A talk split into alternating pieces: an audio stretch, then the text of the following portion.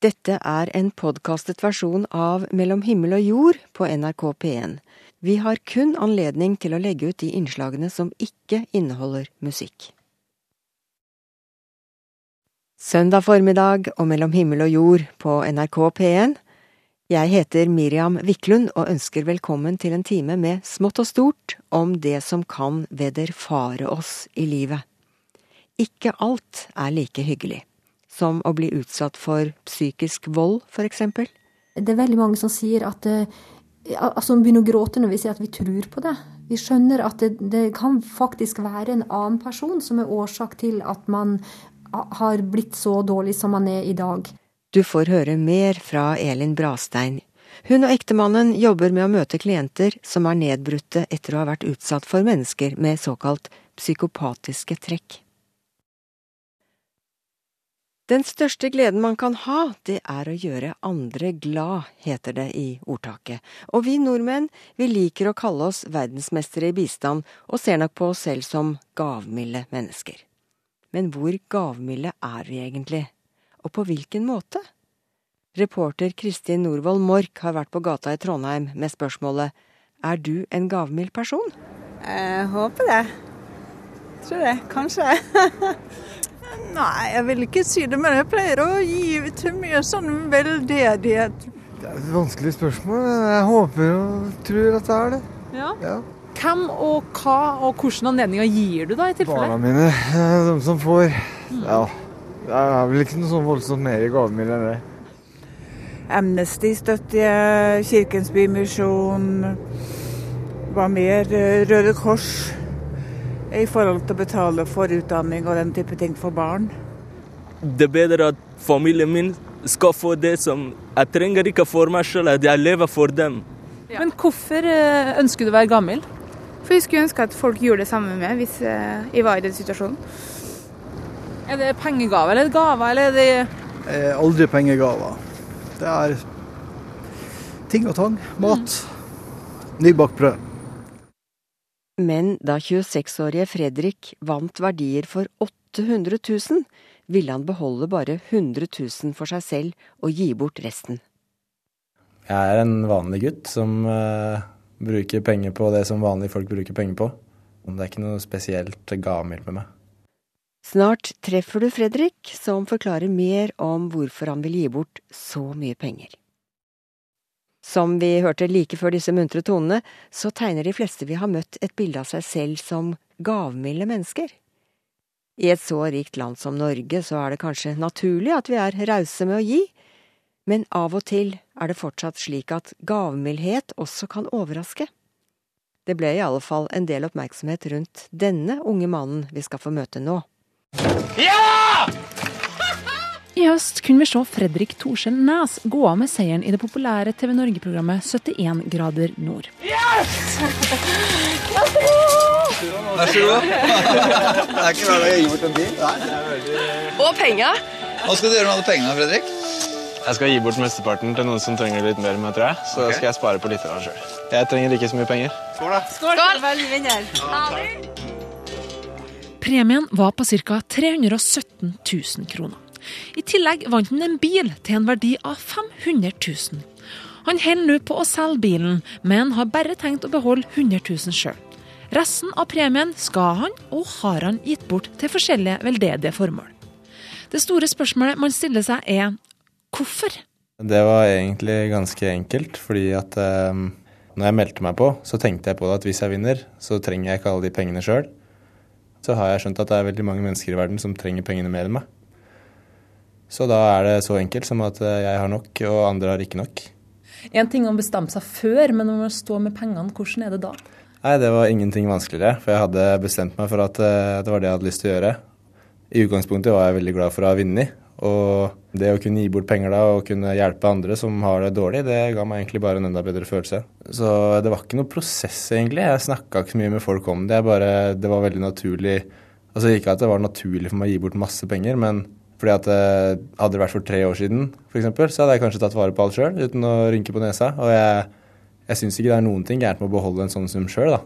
Men du sier for tre år siden så hadde det kanskje vært noe annet. Var det noe som, noe som har skjedd for tre år siden, eller? Ja, um, det var egentlig det. Jeg tror det var ca. tre år siden at eh, kjæresten min og jeg var i Indonesia på ferie. Og så reiste vi litt rundt eh, på forskjellige steder der. Og der fikk vi se fattigdom ja, med våre egne øyne. Jeg fikk se det med mine egne øyne. Og prate med folk som hadde det skikkelig kjipt. Så vi blei bl.a. kjent med en fyr som heter Junaidi. Det var ofte han ikke hadde råd til å spise mer enn ett eller to måltider om dagen. Da. Og han var ofte sulten, og vi var hjemme hos ham der han bodde. Og han bodde inn på en sånn eh, betonggulv med bare en kjempetynn madrass og liksom Jeg fikk skikkelig vondt av ham, da. Så det var nok det som gjorde at jeg endra mest syn på det. Man ser det på TV og, og ser reklame for Røde Kors og Unicef og alt sånt, og det er jo kjempefattige barn, og det er sikkert det er sikkert mange som kan bli lei seg av å se det òg, men jeg merker at jeg er blitt så vant med å se det at det påvirker meg ikke så mye lenger. da. Men det å se det med egne øyne, det gjorde noe med meg. For Fredrik har den opplevelsen bl.a. resultert i at han de siste to årene har gitt bort nærmere 10 av inntekta si til veldedige formål. Hva får en 26-åring til å prioritere sånn? Grunnen til at jeg gir bort de pengene, er jo at jeg kan avse det. og det hindrer ikke på en måte livskvaliteten min, eller jeg kan ha det like kult og ha det like bra uten de pengene. Foreldrene mine er omtenksomme og ålreite folk. De har sikkert lært meg opp til en sånn grunntanke med at man skal tenke på andre mennesker. Men de har aldri på en måte prøvd å Aldri snakka om å gi, og de har aldri Så det er ikke sånn at de har gitt meg en det med morsmelka. Men jeg tror jeg husker at jeg bodde i USA, jeg var på utdanning der. Og så var det jeg så at Unicef sponsa Barcelona og de hadde ikke hatt sponsor på drakta i det siste når det skjedde, så da tenkte jeg det må det være en grunn til. Så sjekka jeg på hva de drev med, bare veldig kjapt, da. Og da tenkte jeg de kan jeg gi litt penger til. Og så ga jeg 200 kroner i måneden til de da, en god stund. Og etter hvert så bare ga jeg litt mer. Men jeg har, eh, jeg har fått lønn fra Forsvaret i hele utdanninga mi. Så det jeg har gitt, har alltid vært en liten andel. Jeg har liksom ikke forsaka noen store ting for det, egentlig. Fredrik vil nemlig ikke gå med på at han er et spesielt gammelt menneske. Nei, jeg er ikke det. Jeg er en vanlig gutt som uh, bruker penger på det som vanlige folk bruker penger på. Det er bare det at uh, plutselig en dag så tenkte jeg på at jeg kunne gi litt penger. Men ellers så, så tror jeg jeg er en, altså en helt vanlig person. Det er ikke noe spesielt gammelt med meg. Men hvis du hadde mista jobben eller blitt ufør, tror du du hadde fortsatt gitt så mye? Nei, da hadde jeg sikkert uh, Det spørs litt. Hvis jeg hadde fått mindre betalt, så hadde jeg sikkert uh, gitt mindre òg, hvis jeg følte at uh, det gikk utover det som jeg følte jeg trengte. Så det er ikke sånn at jeg har bestemt meg for å gi så og så mye resten av livet, liksom. Det er Jeg gir det jeg føler at jeg kan gi, og, eller det jeg føler at jeg vil gi, egentlig. Jeg føler liksom noe press som jeg legger på meg sjøl, eller noen ting. Så det, det tar jeg bare som det kommer. Motivasjonen er å hjelpe folk som har det dårlig, ganske enkelt. Så jeg veit at det er millioner på millioner av mennesker som har det skikkelig dritt, og som sulter og er kalde og blir fortere sjuke enn oss fordi de ikke får riktige medisiner og sånn. Så altså det i seg sjøl å kunne hjelpe de, det er mye verdt for meg. Og så er det en annen ting eh, at det gir en god følelse å vite at jeg gjør litt for folk. Eh, men samtidig så, så har jeg liksom tenkt tanken at jeg kunne sikkert gitt mer, for det kan man jo alltid. Men uh, jeg har ikke lyst til å være noen sånn ekstrem person og prøve å leve skikkelig dårlig for å gi bort så mye som mulig. Jeg har lyst til å være meg sjøl og leve normalt i sånn som nordmenn gjør, men gi bort litt, da. Hvorfor gir vi egentlig? Hvorfor gir vi penger, tjenester og ting som vi egentlig med rette kunne beholdt sjøl? Nei, altså jeg tror det er eh, så enkelt som at mennesket er et sosialt vesen. Eh, vi er avhengige av de menneskene rundt oss. Så det å hjelpe de menneskene som er rundt oss, er også en måte å ta vare på oss selv. Siri Granum Karsson er førsteamanuensis på program for anvendt etikk ved NTNU. Og hun tror at menneskets ønske om å gi kommer av flere årsaker. Jeg tenker at det er, veldig, det er veldig grunnleggende menneskelig ting, da. Eh, det å være gavmild. Og at det er en grunn til at det står såpass sterkt i så mange religioner og etiske teorier. Altså det her med nestekjærlighet, det her med å bry seg om menneskene rundt seg, er jo en grunnleggende dyd, kan vi si, for mennesker i alle typer samfunn, tror jeg. Dygdsetikken, da, som stammer fra den gamle greske antikken og Aristoteles og sånn, så var jo tanken om at, altså, at gavmildhet var en dyd, at det var noe man gjorde for å være et godt menneske. Eh, og at man da også ville få det godt. At man ville ha det bra med seg selv når man gjorde bra ting, når man hadde dygder. Den største glede du kan ha, er å gjøre andre glad. Altså det med at man, man blir glad altså av å gjøre andre mennesker glad. Eh, at det handler om rett og slett å bry seg om de man har rundt seg. Ordet giverglede er et mye brukt begrep som man lett kan kjenne seg igjen i. Men det å gi med glede er ikke nødvendigvis alltid like lett.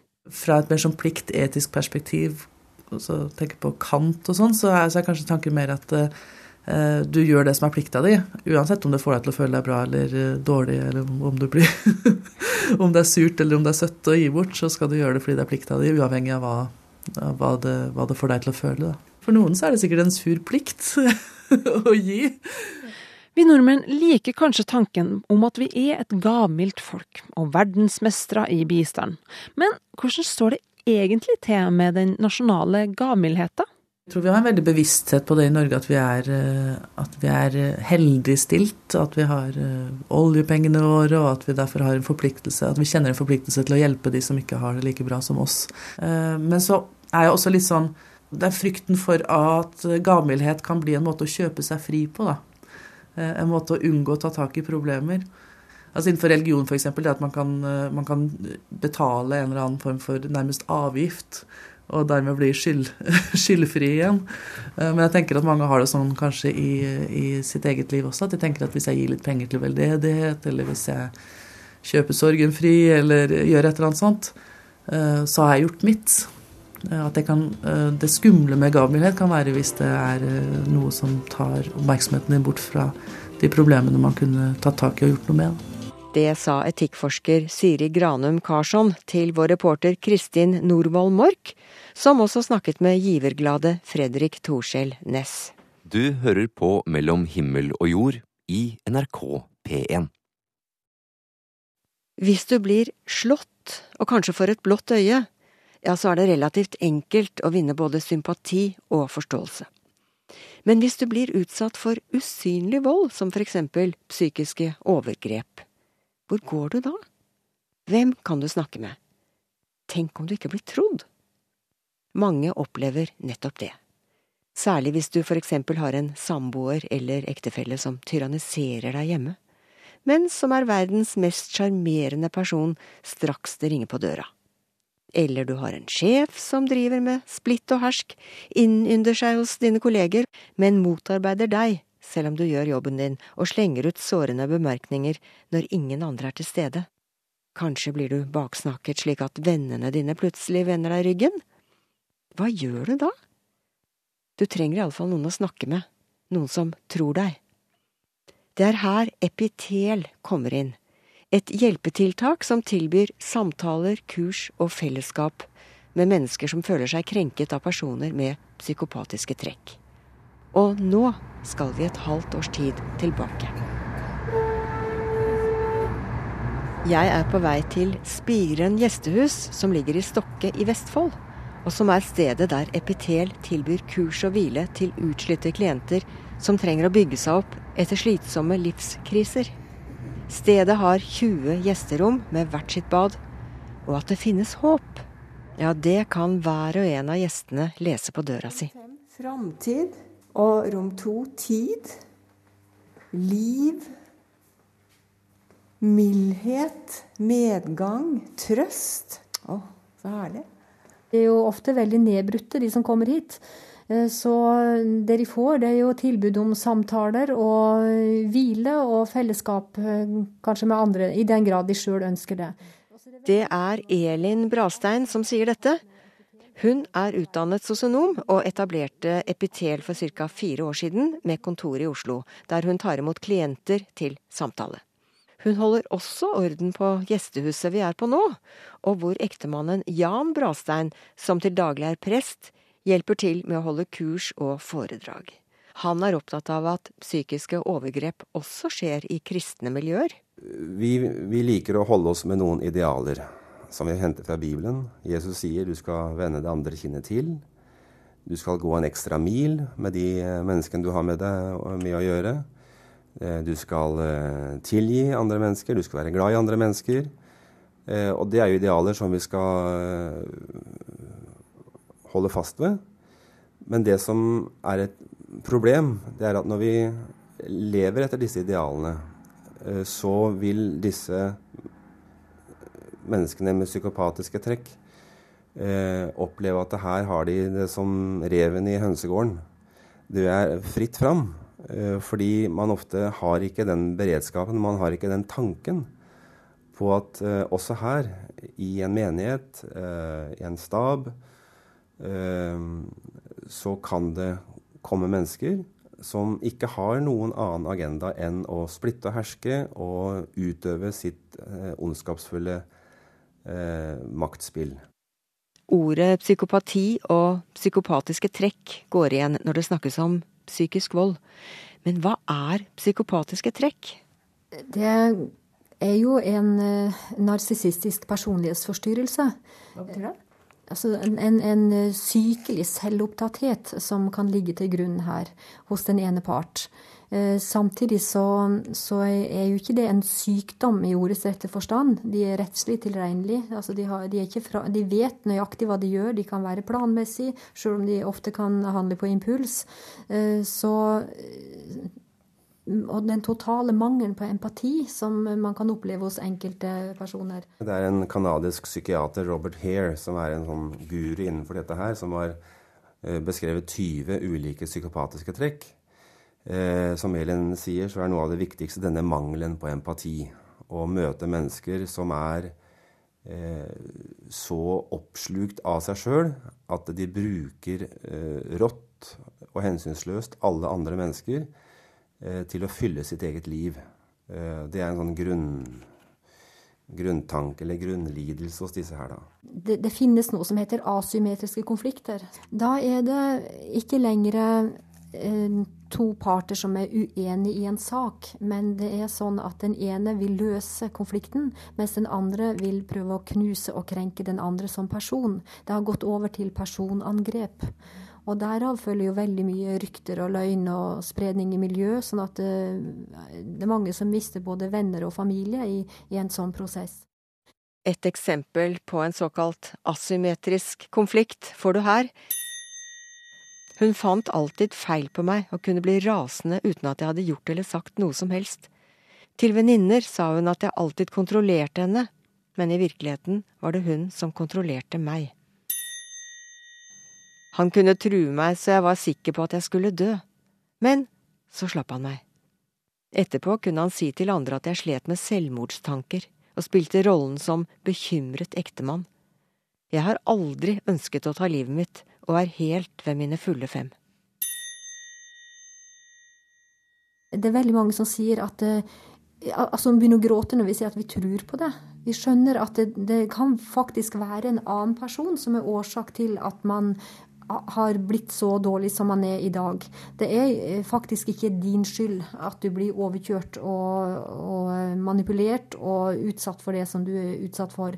For det som er den vanlige forståelsen, er jo at man skal ikke sant, møtes på halvveien i enhver konflikt. Kanskje ikke bare det, du skal gå mange ekstra mil for å løse en konflikt. Men når det da ikke hjelper, det er da epitel inn, kan komme inn og, og, og møte folk med en, en, ny type forståelse. At faktisk er vi, vi, er utsatt for angrep som vi da kan lære oss å, å, håndtere på en annen måte enn om det var en vanlig konflikt. Vi bruker uttrykket 'finne et nullpunkt'. Og det er jo litt sånn tåke, tåkeord, da. Men, men, det handler om å, å finne et et, altså Hvis du kan fysisk skape avstand til vedkommende, så er det et råd.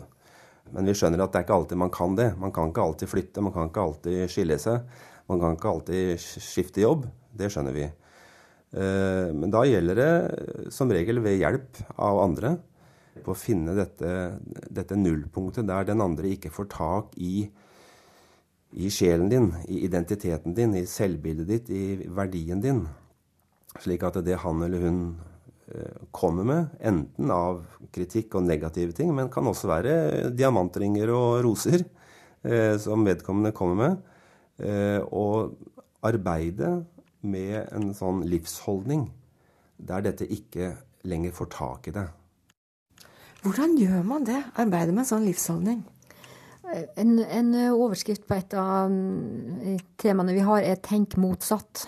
F.eks. eksempel så er jo det normale at vi er åpne og spontane. Vi forteller om både svakheter og sårbarheter og gleder. Men her gjelder det faktisk det motsatte. Altså søke heller det overfladiske. Ikke utlevere alt sitt innerste, for det kan bli brukt som agn til en ny konflikt og, og, og, og bli brukt imot deg i neste omgang. Men eh, hvis man eh, blir så flink da, at man klarer å sette sånne grenser, Skjer det da noe med motparten? Ja, det gjør det. Eh, da vil han eller hun eh, intensivere kampen. Eh, og forsøke å overvinne, komme forbi det forsvaret som du eh, forsøker å bygge opp. Eh, og hvis det ikke lykkes, eh, og hvis han eller hun skjønner at offeret er tapt for evig og alltid, så vil han også gjerne forsøke å få andre, få andre Finne andre offer i, i sin kamp. Hvordan da? Det er nesten som eh, katten som har mista eh, musa som han eh, var på jakt etter. Så vi ser gjerne at det er tre ting som, som skjer. Det ene er jo sinnet som kan komme fram. Det andre er en sånn sjarmøretappe, nærmest, hvor de blir veldig hyggelige og, og, og, og, prøver å smiske for å få det tilbake. Fordi at det er snakk om makt og kontroll over livet ditt, det vi egentlig prater om her. Det tredje er at de gjør seg til offer. At de går rundt og, snakker løgn og usannheter om det og setter ut rykter i miljøet, sånn at du kan risikere å miste eh, både nær familie og venner i kjølvannet av å ha begynt å sette grenser sjøl. Men kan man ikke forandre på folk, da? Kan ikke et menneske med såkalt psykopatiske trekk endre seg? Nei, det er en grunninnsikt når det gjelder uh, disse menneskene her, at uh, de kan ikke forandre seg. Og det er jo en trist ting å si om uh, noen av våre medmennesker. Men eh, det er like fullt en viktig ting er sant å si, at disse forandrer seg ikke. Eh, og sånn sett så pleier vi å si at Og det er jo litt fælt å si det òg, men vi, vi, tar fra folk håpet om forandring. Eh, vanligvis i møte med mennesker som er vanskelig, så håper vi på bedring, vi håper på forandring, vi arbeider for det. Men eh, når vi snakker om disse menneskene her, så er håpet på en måte noe som hindrer en, en riktig handling. Derfor så må vi måtte slutte å håpe om bedring, for det vil aldri skje allikevel. Allikevel er det håp Elin og Jan Brastein ønsker å tenne med virksomheten i Epitel. Håp for alle som kommer seg vekk fra psykopatens klør. Til å begynne med i dette innslaget leste jeg opp hva som står skrevet på hver dør til rommene på Spiren gjestehus, hit hvor folk kommer for å få hjelp til å lege psykiske sår etter krenkelser. Jeg var kommet til ordet trøst. Så følger frihet, utvikling, fremskritt, fred, godhet, blomstring, energi, styrke, vekst, fremover.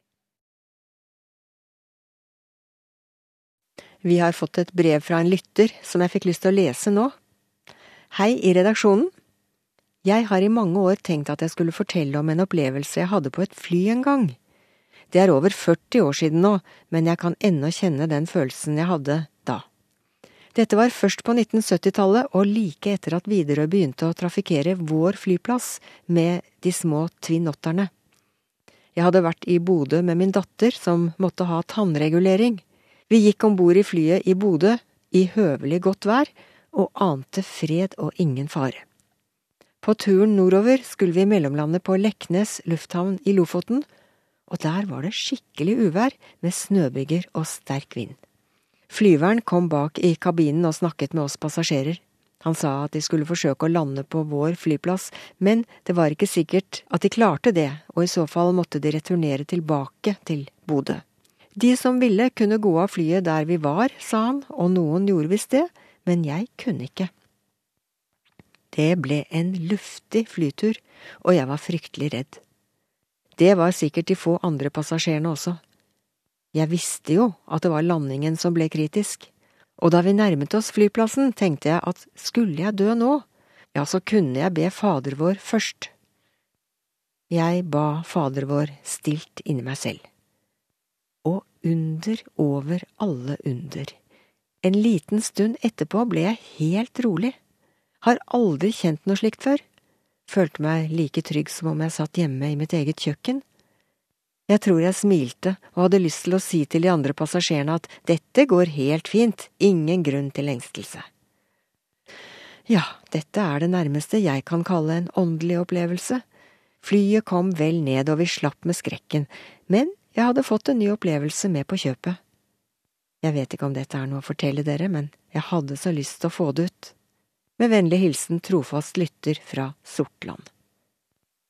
Ja, tusen takk til deg, og til alle dere andre med gode historier. Send oss gjerne et livstegn og historien, det setter vi stor pris på. Jeg gir deg like godt adressene våre med det samme. Vil du sende e-post, er adressen himmel og jord i ett ord, krøllalfa nrk.no, eller postadressen mellom himmel og jord, NRK 7005 Trondheim. Og det satte punktum for dagens Mellom himmel og jord. Jeg heter Miriam Wiklund og minner nok en gang om e-postadressen hvis du har noe å fortelle oss. Himmel og jord, krøllalfa, nrk.no. Også postadressen for deg som foretrekker blyant og papir. Mellom himmel og jord, NRK 7005 Trondheim. Ha en herlig dag, gjerne med oss i NRK Radio. Mellom himmel og jord. Søndager klokka ti.